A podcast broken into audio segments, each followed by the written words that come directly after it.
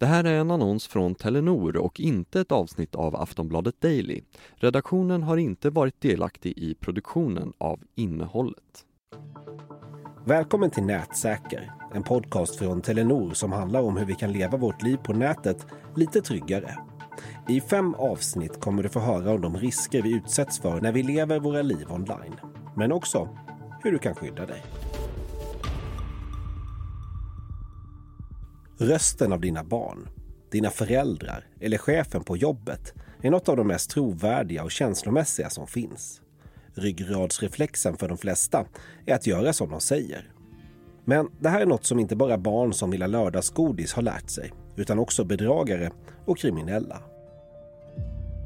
Med hjälp av ny teknik och artificiell intelligens är vi och samhället vi lever i mer utsatta än någonsin. När tekniken blir bättre och bättre att vilseleda och enklare att använda just den tekniken, då kommer ju fler och fler av de lite mer normala kriminella kunna rikta in sig just på dig och mig.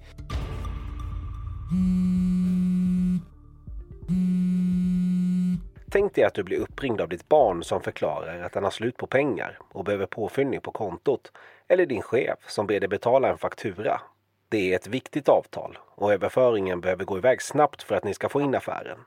Tonen i rösten är allvarlig och allt hänger på just dig. Vem kan du egentligen lita på? Digitaliseringen av samhället innebär oändliga möjligheter och utvecklingen går snabbt. Idag kan du göra saker med din mobil och dator som vi inte trodde var möjliga bara för några år sedan. Och det är inte bara din telefon som är ansluten till internet, utan din bil, elförsörjning och din klocka. Nästan hela ditt liv styrs av internet. I de flesta fall har det gjort vardagen betydligt enklare. Men ett mer uppkopplat vardagsliv innebär också risker. Både för dig personligen, men också för samhället i stort. I Sverige är vi väldigt exponerade mot eh, dataattacker. Eh, vi är ett väldigt teknologiskt eh, samhälle. Marcus Lundblad är cybersäkerhetsexpert på Telenor. En stor del av hans arbete går ut på att hitta svagheter i deras system innan datahackare hittar dem. Jag jobbar framförallt med vår proaktiva förmåga, eh, det vill säga vi vill försöka hacka oss själva. Eh, genom att eh, ja, men testa våra system på olika sätt. Bland annat så har vi ett bug bounty-program där vi förmedlar kommunikation genom en extern plattform med etiska hackare från hela världen. Och eh, när de hittar eh, sårbarheter så betalar vi dem upp mot 40 000 svenska kronor för en kritisk sårbarhet för att säkra vårt nätverk och våra kunder. Och de yttre hoten blir allt mer omfattande efter Rysslands invasion av Ukraina där Sverige tagit tydlig sida i konflikten och Sveriges beslut att ansöka om medlemskap i Nato har hackerattackerna riktade mot landet ökat med 40 procent. Och det handlar om astronomiska summor pengar.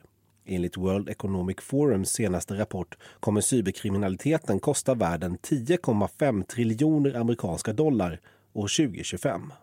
När man tittar mot Sverige så är det väl mestadels DDoS-attacker vi ser i våra nätverk i alla fall. Tittar man på säkerhetsbranschen i sin helhet så är det väl fortfarande olika typer av intrångsförsök. Det kan väl vara de här ransomware-grupperna som försöker plantera bakdörrar liksom i olika tekniska system, krypterad trafik, data för att försöka få någon slags utpressningsmöjlighet mot de här olika företagen eller privata personer. Där man sen då kan på något vis få en lösensumma för att låsa upp trafiken eller datat i de här olika tekniska systemen.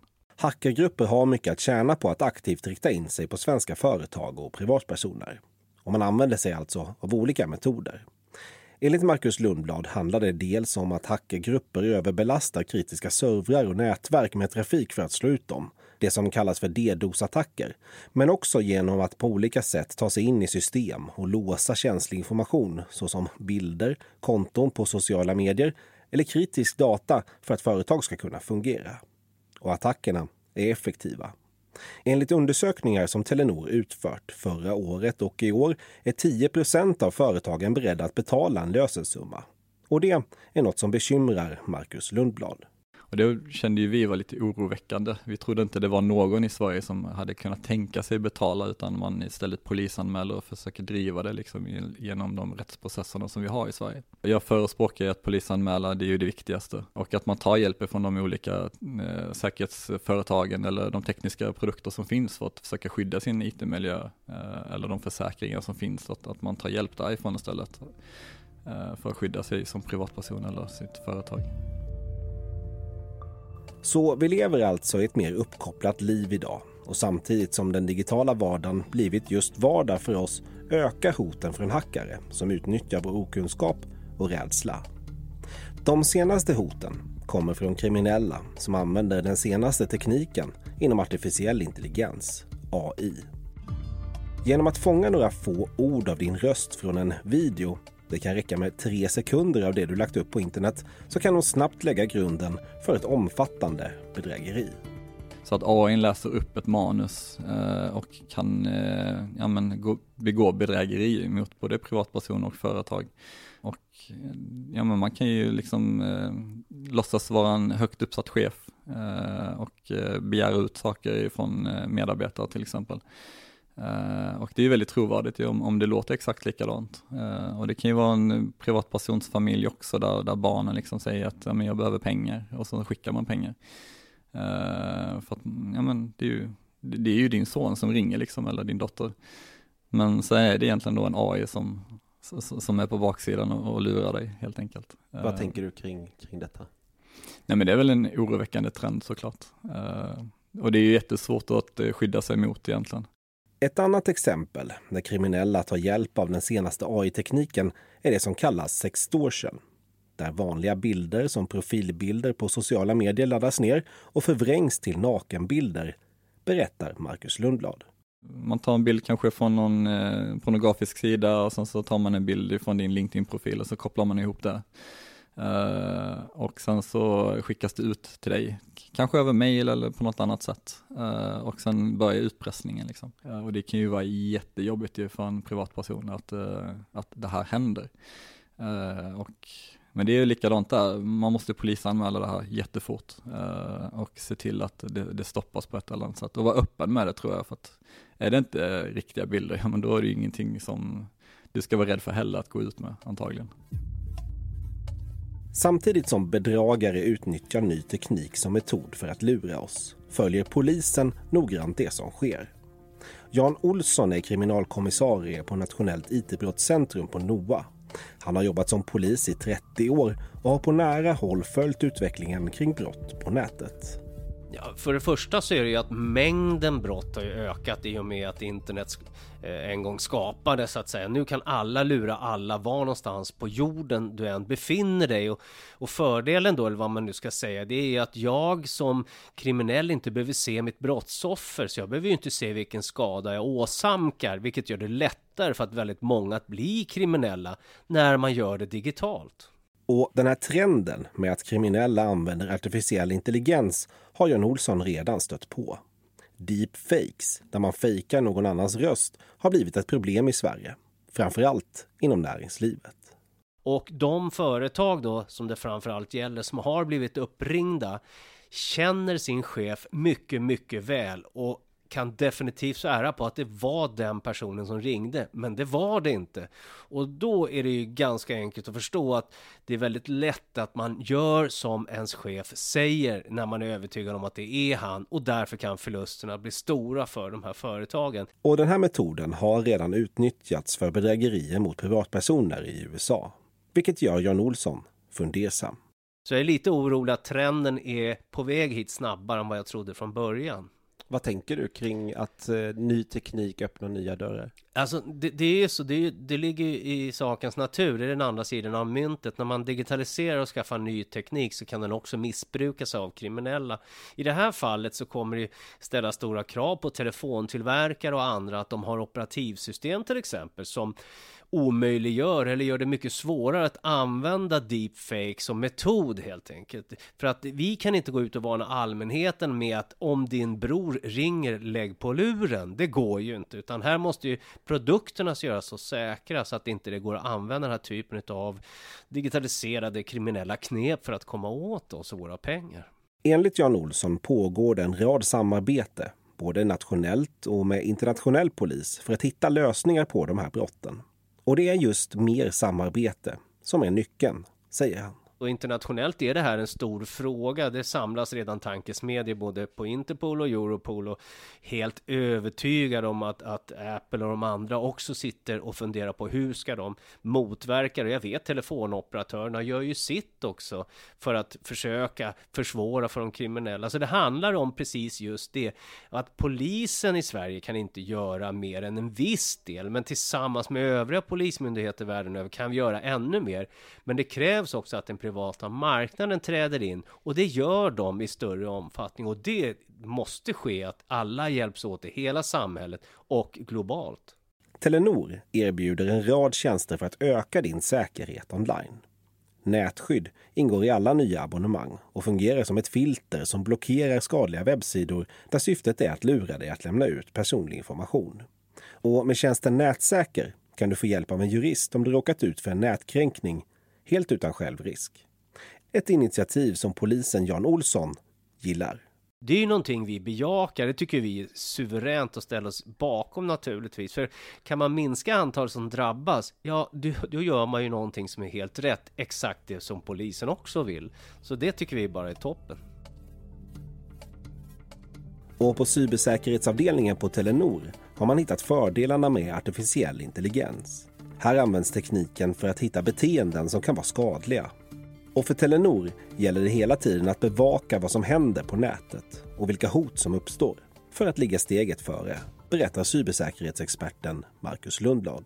Vi jobbar ju också med vad vi kallar för threat intelligence, alltså hotbildsanalys, där vi har eh, tekniska lösningar på plats som eh, tittar på händelser runt om i världen. Eh, är det pågående cyberattacker mot vissa specifika sektorer? Är det någon som pratar om Telenors varumärken i liksom darknet, olika hackerforum? Vi har ju själva, nu när Rasmus på Ludan var här och brände Koranen, eh, så såg vi attacker från turkiska hackergrupper mot Sverige och svensk näringsliv. Ehm, och Telenor var på den listan. Eh, så vi, vi kunde ju väldigt tidigt eh, själva gå in i de här olika öppna chattkanalerna och titta i realtid vad är det de håller på med. Och eh, utefter det så gjorde vi ju olika typer av motattacker, blockerade IP-adresser som de kom ifrån eller blockerade olika typer av verktyg som vi visste att de skulle använda sig av så att de inte de var liksom funktionella i, i vår miljö. Så hotbildsanalys är någonting vi jobbar väldigt nära och försöka titta på våra leverantörer, våra produkter och eh, oss själva såklart. Och cybersäkerhetsexperten Marcus har några tips han vill dela med sig av. Det som gäller både privatpersoner och företag är ju att eh, se till att ha en eh, behörighetskontroll eh, på sina konton. När det gäller företag så är det jätteviktigt att eh, när en anställd blir anställd eh, så har man kontroll över vilken behörighet den anställde ska ha och när den anställda avslutar sin tjänst så tar man bort behörigheterna till de olika tekniska lösningarna eller datat. Det är jätteviktigt. De ska inte gå hem och sen fortfarande ha access till system. Och det gäller ju också då privatpersoner att slå på två faktor på alla dina sociala medier eller andra typer av konton som du känner är viktiga liksom för dig. Eh, som kan påverka dig på ett eller annat sätt två fakta är jättebra för det, det innebär att du måste ha både användarnamn, lösenord och antagligen till exempel då en telefon där du får ett sms med en liten kod som gäller bara en viss typ av eh, tid eh, för att kunna logga in i de här olika systemen. Det gör det jättemycket svårare att eh, knäcka dig liksom rent cybersäkerhetsmässigt. Mitt andra tips är väl att eh, uppdatera mjukvara och hårdvara. Det är jätteviktigt att ha den senaste uppdateringen installerad på din dator. Har du inte det så är det avsevärt mycket lättare att försöka hacka dig på ett eller annat sätt. Eh, det är till och med hack du kanske inte ens upptäcker att de har genomförts för att du har haft sårbarhet i din webbläsare till exempel. Tredje hade varit, ja men träna cyberangrepp så som du skulle träna en brandövning om du har ett företag. Jätteviktigt att du förstår dina processer och din strategi när det gäller cybersäkerhet. Hur ska du agera i en situation där dina datorer börjar låsas ner och din trafik och din data börjar krypteras? Och det är väl likadant hemma, liksom. hur hanterar familjen liksom en ett cyberangrepp eh, eller en, något typ av bedrägeri eller någon typ av eh, mobbning liksom över internet på något sätt. Försök ha en öppen dialog med barn eh, kring sociala medier och vilka hot och risker det finns. Låt dem förstå att du kan prata med dem, eller att de kan prata med dig. När det gäller just eh, utpressning över internet av olika slag.